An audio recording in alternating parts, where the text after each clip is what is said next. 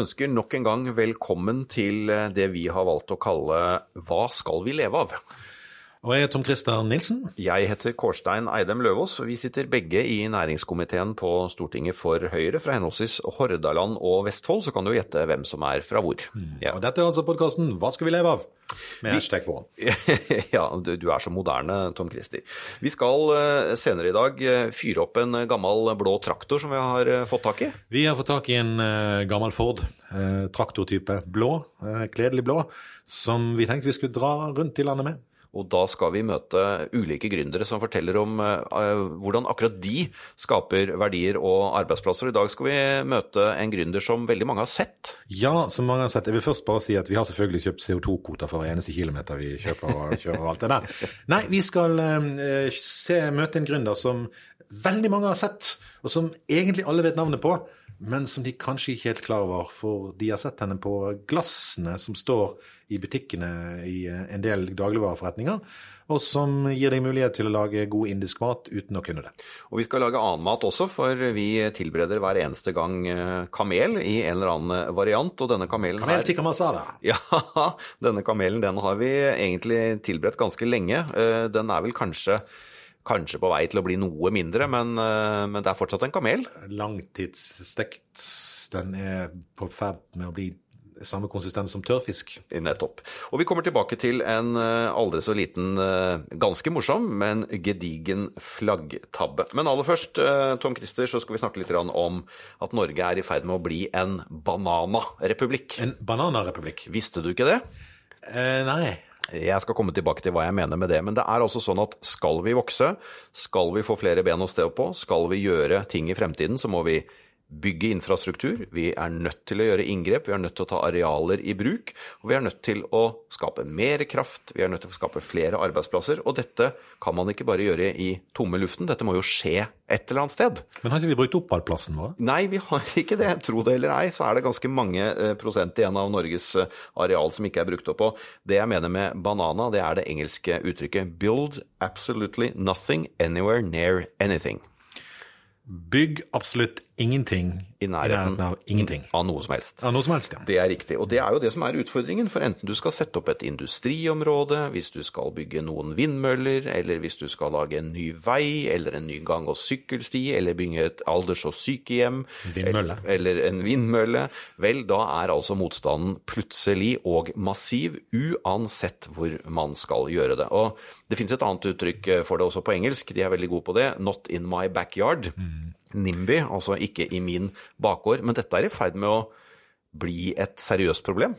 Det, det er det. Vi, vi, har sett det ganske tydelig når det gjelder vindmøller. Der er det sånn at uh, der, der, vil man ha det alle andre steder enn der man kan se det. Ja, og den løsningen som er veldig besnærende for veldig mange, er jo å si at kan vi ikke bare gjøre det til havs? Ja. Kan vi ikke bare gjøre det til havs? Det kan vi. Ja. Uh, det er fint. uh, problemet er at uh, det, det, har sine sider, det òg.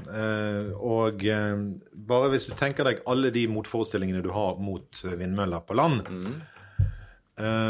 utenom den at du kan se den Det kan du hvis du er ute i båt, da. Men ta alle de motforestillingene, og så tar du de til havs, så er det nøyaktig de samme motforestillingene og de samme problemene.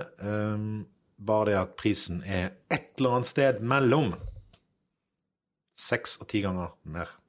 Nettopp. Så det som så vidt er Vi snakker om flytende hav. Ja, så det som så vidt er lønnsomt på land, det er veldig, veldig lenge til det er lønnsomt til havs. Ja. Du kan jo f.eks. tenke deg at du skal bygge en vindmølle på land. Mhm. Og så skal vi ta en sånn gjennomsnittlig vindmølle installert per megawatt-type ting. Mhm. Så koster det rundt 11 millioner. Vet du hva det koster flytende til havs? Eh, nei, du sa jo 50-60 altså millioner, da? 60, 60 millioner. Ja, nettopp. Eh, og det, det, blir mye penger til slutt. Så det er et sånt prosjekt da, hvor, som Zero bl.a. Er, er involvert i, som peker på at de vil ha 3 gigawatt vindmøller til havs. Prisforskjellen mellom å bygge de 3 gigawattene til havs og til, til lands, den er ca. 140 milliarder Mm. Kroner. Det er penger det òg, som vi liker å si. Eh, Jeg syns ofte man skal se de gule varsellampene når folk starter setninger med 'jeg er ikke prikk, prikk, prikk, men'. Altså for eksempel 'jeg er ikke rasist, men'. eh, 'Jeg er ikke klimaskeptiker, men'. Og eh, i vindmølledebatten så er det 'jeg er ikke imot vindmøller, men'. Og den, den eh, kanskje en av de beste jeg var inn, innom nå i siste Vi fikk en sånn prestasjon for et par dager siden på et møte der eh, det ble spurt litt fra noen som er veldig imot vindmøller, eh, om det var noen vindmøller de var for. Eh, og det kunne de liksom ikke helt svare på. Men de hadde vært for noen vindmøller en gang, men nå var de mot de òg. Men eh, jeg syns kanskje den morsomste vindmøllen de var mot, var den vindmøllen som står inne på et vedtatt 5000 dekar stort industriområde Ja. eh, et sted på Vestlandet. Der skal det plasseres en vindmølle. Den er de også imot. Ja, og hadde de noen grunn for det, eller var det bare at de, Ja. ja? Naboene. Naboene, ser man det. Eh, Ja, og det er et annet industriområde her på Østlandet hvor eh, en stor eh, distributør bygger et lager og vil sette opp tre vindmøller, og dette er langt til skogs og langt fra folk, men der er det også ganske massiv motstand. Så det er klart vi har en utfordring. Men en av de, hvis vi skal dvele litt til ved vindmøller, da, som jo er et litt sånn skummelt tema, men en av tingene man er engstelig for, er jo havørn. At den skal fly inn i vindmøllene. Ja. Og da tenkte jeg, og dette, det er mulig, altså kall meg gal, eller, men havørn, er ikke den til havs? Altså vindmøller til havs, er det Oi, oi, oi. Det er dårlig gjort kanskje å bringe inn det. Oi, oi, oi. Ja, nei. Kårstein. Ja. Kårstein. Ja. Hvor er det du er fra henne? Nei, jeg er fra Vestfold. Ja, riktig. Mye havørn der? Ja, faktisk. Ikke, Ja, ikke mye, da, men det er noe havørn, da. Ja. Nei, eh, havørn eh, liker å ha rede på land. Eh, Flytende reder er der eh, få, eh, få av. Så. Men den flyr over havet. Ja, men den flyr ikke så fryktelig langt til okay. havs. Nei, så langt unna. Men Ja. Det er gjort et prosjekt på havørn og vind på Smøla, hvor det er en vindmøllepark. Mm. Ja. Eh, Og den eh, konklusjonen fra den rapporten er at ja, havørn liker ikke å ha redet rett i nærheten av vindmøllen, Mm. men den flytter seg litt unna, og da går det ganske bra. Vi snakket om banana, build absolutely nothing anywhere near anything. Og så snakket vi om NIMBY, not in my backyard. Men eh, det er et uh, siste begrep som eh, nok treffer oss politikere. Det er nemlig NIMEY, N-I-M-E-Y. Uh, not in my election year. Ah, Uh, og det tror jeg kanskje også ikke i mitt valgår! Ikke i mitt valgår eller i mitt valgdistrikt. Og det også, vi skal vel være ærlige og si at det kanskje av og til står i veien for noen gode politiske løsninger. Ja, men sånn helt til slutt vi har jo av og til, Jeg får jo av og til lov til å komme med et nerdespørsmål. Mm. Vet du hva som dreper mest fugl per produsert kilowattime kraft? er det, nei, bare, nå skal du få to alternativer. Okay, takk. Mm. Er, er det vindmøller eller fossile kraftverk? Nei, eh, siden jeg opplever jo dette som et litt sånn lett ladet spørsmål, så la meg, eh, la meg si fossilt, da, uten at jeg klarer å svare på hvorfor. Nei, nei, altså det er et godt spørsmål hvorfor, Mm. men sannsynligvis har det noe med at du må ha sånne store kjøl, stigre kjøletårn som slipper ut eh, vanndamp i 100 graders varme, og det er ikke spesielt bra for fugl. Det er ikke fuglevennlig. Eh, Men det er man har, En eller annen har gjort beregninger på dette, og jeg vet ikke hvem. For eh, jeg lurer på hvordan de har telt. Men uansett, fem ganger, eh, fem ganger mer fugl dør per kilowatt produsert på et eh, fossilkraftverk enn på et vindmøllekraftverk. Men alt henger sammen med alt, og det er alltid eh, mer og mer komplisert å diskutere ting. Men vet du hva som tar livet av flest fugl på verdensbasis generelt? Oh yes, det er et lite dyr jeg hater. Eh, Oi, det nå beveger du deg inn i farlig Nå beveger jeg meg inn i farlig farvann, men eh, dette dyret har Altså, jeg skulle bygge hus, og utenfor hadde jeg en stor, eh, stor haug med fin grus, og naboen hadde to av disse dyrene. Ja. Og da snakker vi om katter som forsyner seg grovt i fuglefatet hvert eneste år. Det gjør de. Den, Og de skiter overalt. den store Ja ja, nå så så så. Men uh, vi, eh, vi, uh, Ja, du kan si så så, men du har ikke gravd ut en grushaug med, der katter har brukt som ja, kattesand. Ja. Men la oss konkludere med to ting. La oss konkludere med at det er ikke nødvendigvis vindbøller som tar livet av flest fugler, det kan være katter. Men det andre, og det er viktigere, at nettopp denne holdningen med at ikke bygg noe i min bakgård, ikke gjør noe som jeg kan se fra mitt hyttevindu, ikke gjør noe som jeg kan eh, oppleve på min åker, det er faktisk i ferd med å bli en reell utfordring for verdiskapingen i Norge. Ja, og igjen så har vi funnet, på, funnet ut hva vi ikke skal leve av. Og nå har vi ikke engang snakket om utbygging av hytteområder, og det tror jeg vi skal la ligge, for vi kan ikke erte på oss absolutt alle i én og samme setting. Jo! men eh, fra den ene katten til den andre, og nå lurer du litt, fordi nå skal vi ikke snakke om katt, men om formueskatt. Oi! Ja, ja. Fordi vi liker å tilbre... Torstein Eidem Løvers. Ja da. The Så- master of uh, silly jokes. Ja, det, eller fattigmannshumor, som det også kan kalles. Eh, eh, formuesskatten, eh, hvorfor har ikke Høyre bare fjernet den? Vi, skal jo, vi har jo sagt vi skal gjøre det i årevis. Nå er vi inne i å spise kamel, eh, kamel, programposten vår. Ja, men du må jo tenke på budsjettbalansen. Ja, helheten. Ja, helheten. Mhm. Provenyen. Hvorfor har vi eh, ikke fått den bort? Spør du meg? Ja. Eh, nei, det er, et, det, er et, det er et godt spørsmål. For det er jo en, eh, det er en skatt som er Den er litt uh, merkelig. For den, den har jo ingen sammenheng med hva du tjener. Den har jo bare sammenheng med hva du, hva du eier.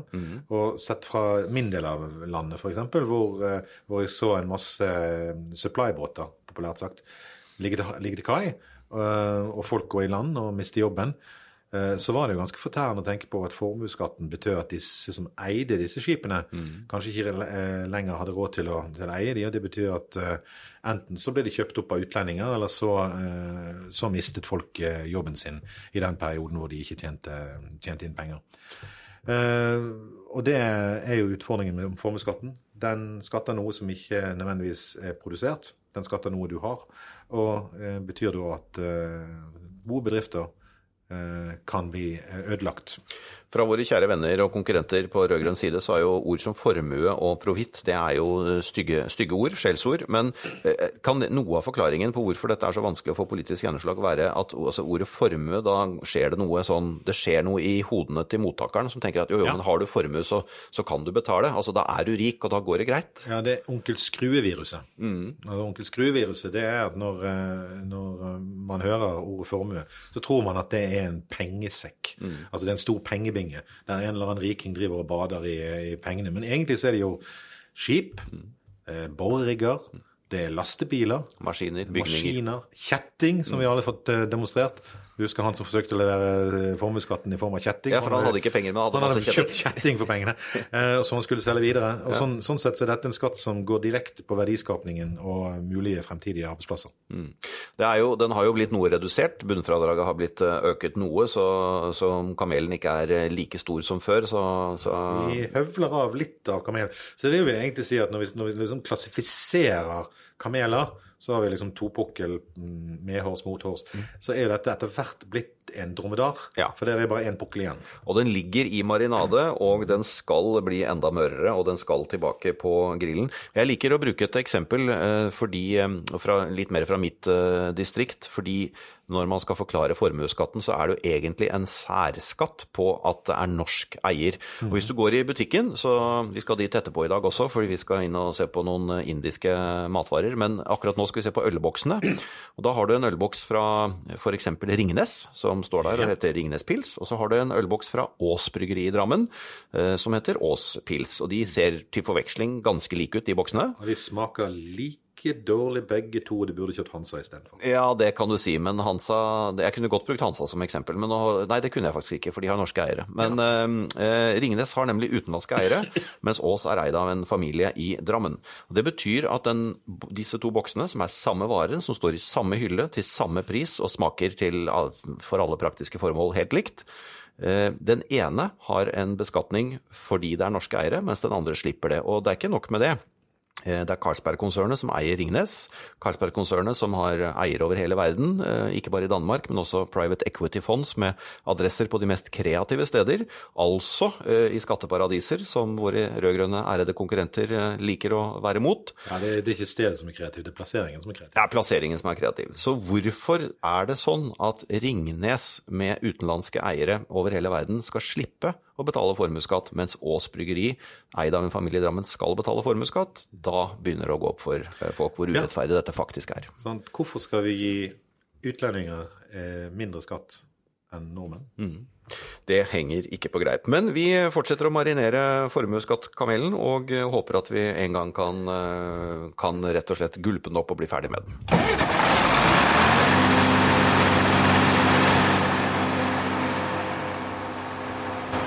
Vi sa innledningsvis, eh, Tom Christer, at vi hadde fått tak i en eh, ikke miljøvennlig, men veldig kul, gammel blå Ford-traktor. Ja, skikkelig gammel, og forhåpentligvis kan du se den på et bilde eh, som er lagt til denne podkasten. Eh, det er en Ford.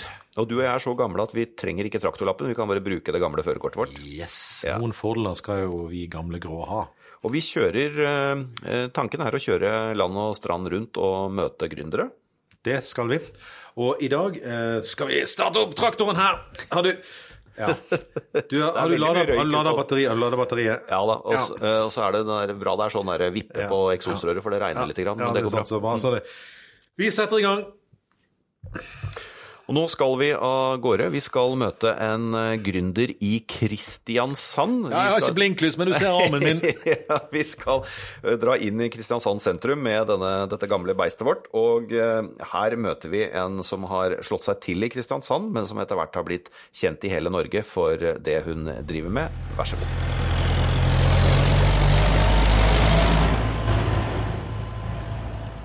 Da er vi, da er vi i Kristiansand. Eh, Og, og, og hvem er du? Eh, Jeg heter Sarita. Ja. Eh, Røttene mine er fra India. Jeg kom til Norge da jeg var fem år. Oppvokst i et lokalsamfunn rett utenfor Kristiansand. Mossby heter det. Ble veldig godt tatt vare på av folk i bygda. De kom gjerne og fortalte oss om Norges historie, bygdas historie, norsk kultur, tradisjoner, og vi adopterte det. Og jeg tror det er også en, en av hemmelighetene til at vi har klart oss så bra i samfunnet, at vi da fikk den opplæringa av nordmenn fra når vi var små. Um, Jeg og min bror hadde en kjempestor drøm når vi var sånn rundt 18, at vi skulle være først ute med indisk restaurant. Og det at vi ikke kunne noe om restaurantdrift eller mat, eh, det var liksom sekundært. til Vårt overordnede mål var liksom at vi skulle være først ute med indisk. Altså, Drømmen var størst. Drømmen var størst. Og, og sånn ble det. Eh, I oktober 1994 kom vi over det lokalet i kjelleren, som eh, er der Mother India. Vi pussa opp, åpna dørene fredag den 13. januar 1995. Ja. Mm. Så nå er dette eh, Moderindia er da Kristiansands eldste restaurant i drift. Og hvordan var, hvordan, var den første åpningsdagen? Første åpningsdagen, det var jo ikke noe markedsføring, eller det tørte vi jo ikke. Eller vi visste ikke engang at vi kunne gjøre det, ikke sant? og det var jo godt. Fordi jungeltelegrafen gikk. Det virka som om Kristiansands befolkning hadde venta på dette. Fordi eh, køen var opp trappa rundt hjørnet, og folk måtte vente to timer på mat. Jøss. Ja, og, Men det som er så gøy, det er at mange av de gjestene som kom den første dagen, de er våre gjester den dag i dag. Og enda jeg vet ikke om jeg skal si bedre eller verre, er at de har den samme retten i dag som de hadde for 25 år siden. Så Ja. det sier litt om kristiansandere, eller restauranten, at vi har så god mat. Det, det må jo både være en befolkning som legger vekt på tradisjoner, og en restaurant som gir god mat. Da. ikke sant? Det må jo være det. Ja. Men eh, vi kjenner jo deg bl.a. fra ansiktet på en, en, et glass i, eh, i, i butikken. Ja. Det var en annen drøm jeg fikk Ja. etter hvert. Ja. Det var å levere indisk mat til hele den norske befolkningen. Ja, tusen på- takk. Ja, takk for det. Du må huske på at jeg er tokulturell. Jeg er veldig stolt av uh, å være norsk. Mm. Men så er jeg like stolt av mine røtter, og så tenker jeg at mat er jo på en måte kulturformidling, det òg. Ja. Uh, Så hvorfor ikke, da, hvis en da har lykkes med restaurant, uh, prøve oss i butikkmarkedet? Ja. Og begynte med det prosjektet i 2001 med ferdigretter. ja. Med fergeretter? Med ferdigretter, ja. Ferdigretter? Ja, ja. det var det vi begynte med. Ja. Og eh, det gikk ganske greit. Og i 2012 ble vi kjøpt opp av eh, Riber og Sønn, Ja. som var Toro, ikke sant? Og så ble jo da Riber og Sønn kjøpt opp av Orkla et år etterpå. ja. Så nå jobber jeg i Orkla, og det er Orkla som fronter sausene og merket, da. Eller jeg fronter merket, men de selger Ja, produktene. akkurat. Altså, du, du er en gründer som, som, fra India, Mm. som har klart å lykkes å endre norske matvaner. eh, og, og, og selge ideen din til et av, eh, si, et av de eldste selskapene Ja, i Norge, nemlig. Riber, Riber og Sønn i Bergen. Ikke- Ja, tenk på det. Det er ikke dårlig. Det er ikke dårlig, det. Det er ikke dårlig. Ja, det er veldig bra. Hva, hva har vært den største utfordringen deres, tror du, tenker du? Jeg vet du hva, jeg tror egentlig at eh, Utfordringa har ikke vært det der med å lære nordmenn eller kristiansandere å ete indisk mat. Heller tvert imot. Eh, Altså, bare for å si det sånn, det er himla godt. det var himla godt, ikke sant? Ja, men Jeg har den, nettopp spist litt av maten. ja, ja, ja. Men du vet, den dialekten min, det er min identitet. Så jeg, det er sånn jeg prater til vanlig. Men og når vi er inne på det, så er det ikke alltid at kristiansandere heller forstår hva jeg sier. Eksempel hvis jeg sier du, eh, skal du ede hos oss? Ja. Og spesielt uh, ungdommen, Ja. så kan de kikke veldig dumt på meg. liksom. Snarere nå? Så sier jeg 'skal dere spise hos oss'? Ja. ja. Ja. Sånn går det. ja, sånn går det, ikke sant? Nei, språket er også hele tiden i utvikling. Ja, visst er det. Men hva, hva var den største utfordringen din med Svein? Eh, utfordringer eh, Vet du hva jeg pleier å si? Og eh, misforstå meg rett, jeg prøver ikke å være arrogant eller noe sånt. Jeg pleier å si at det, det vanskeligste er kanskje ikke å komme til topps. Nei. Det vanskeligste utfordringa nå er å, å beholde den posisjonen. Fordi at nå har vi ikke råd til å miste en liten detalj engang. Nei. Du må være så på hele tida, hele tida. Og det er den utfordringa at du da skal ha øyer både foran og bak og over og jeg vet ikke hva. ikke sant? Du skal følge med på hver eneste detalj. Og kanskje det er noen som lærer av dere også, sant? Ja, ja, absolutt. Ja. Absolutt. Eh, Så jeg føler at det er den største utfordringa. Eh, Og jeg er jo ikke redd for å jobbe, eh, og det er ikke min bror heller. Så eh, vi har jo eh, to heltidsstillinger. Altså hver. Ja. Det vil si fire. Så, men det er sånn vi liker det. Ja, men det er bra. Du, uh, eh, du må fortelle meg én ting. Uh, Du leverte mat til fly? Ja. Ja. på SAS sine flyvninger fra Kastrup til New Delhi og Kastrup Dubai. Ja. Det var så stort, og det var så vilt, at jeg pleier å si at det er så hull i hodet å tenke på at vi har sendt mat fra Kristiansand til New Delhi. Tenk det. Indisk mat fra Kristiansand til Ja, ja, ja. India. Men det går. Ja. Tenk vi klarte å sette Kristiansand på kartet da. Ja, så bra. Mm. Gratulerer med det du har oppnådd, du Jo, og din bror. tusen Eh, hjertelig takk. Vi er utrolig stolte av deg. Å, så hyggelig å høre. Ja. Så tusen takk både for maten og for eh, samtalen. Tusen hjertelig takk til deg, og veldig hyggelig at du likte maten.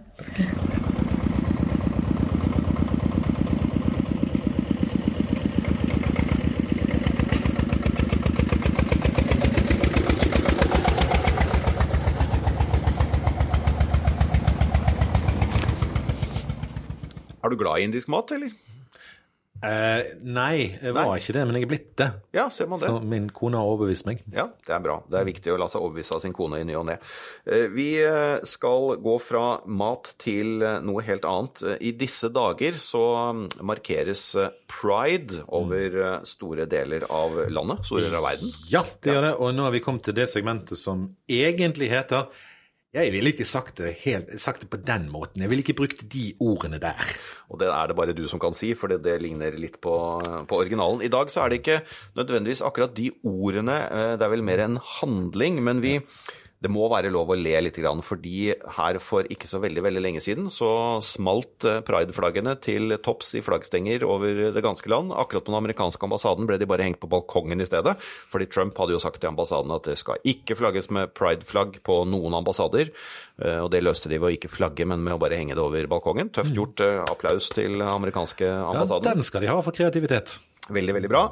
Eh, mens eh, eh, våre absolutt ærede konkurrenter i det største opposisjonspartiet, Arbeiderpartiet, de klinte til på hovedbygget sitt på Youngstorget i Oslo. Ja, altså, vi skal jo gi de de. De, de hadde i hvert fall nesten de riktige fargene.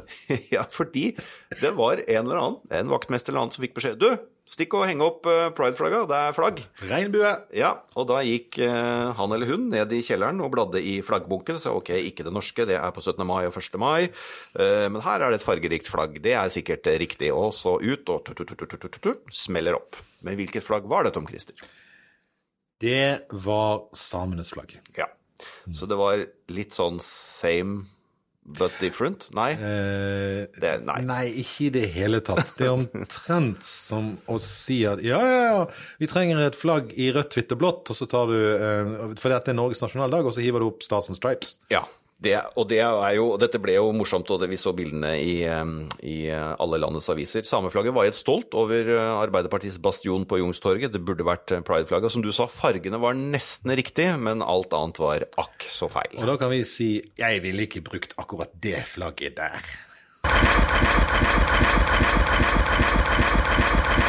Er vi ved veis ende i eh, denne utgaven av eh, podkasten vår, eh, Tom Christer. Vi leter fortsatt videre. Vi finner urovekkende ofte ting vi ikke skal leve av, kontra hva vi skal leve av, men vi gir oss ikke. Vi gir oss ikke, um, og nå har vi vært gjennom tre episoder uten å ha funnet noe. Jo, vi, vi, har jo funnet tre ting. Vi har jo funnet én ting for hver episode. Vi finner gründerne ja, vi som finner skaper gründerne som har ideene. Og de understreker bare at det er, det er ikke politikere som eh, finner ideene om hva vi skal leve av. Det er helt andre folk. Og så skal vi passe på å si at akkurat nå, selv om vi er på jakt etter å skape verdier og hva skal vi leve av, så unner vi alle noen rolige sommeruker og litt god ferie. Og grill gjerne en kamel. Og så kom tilbake til neste episode av Hva skal vi leve av? God sommer.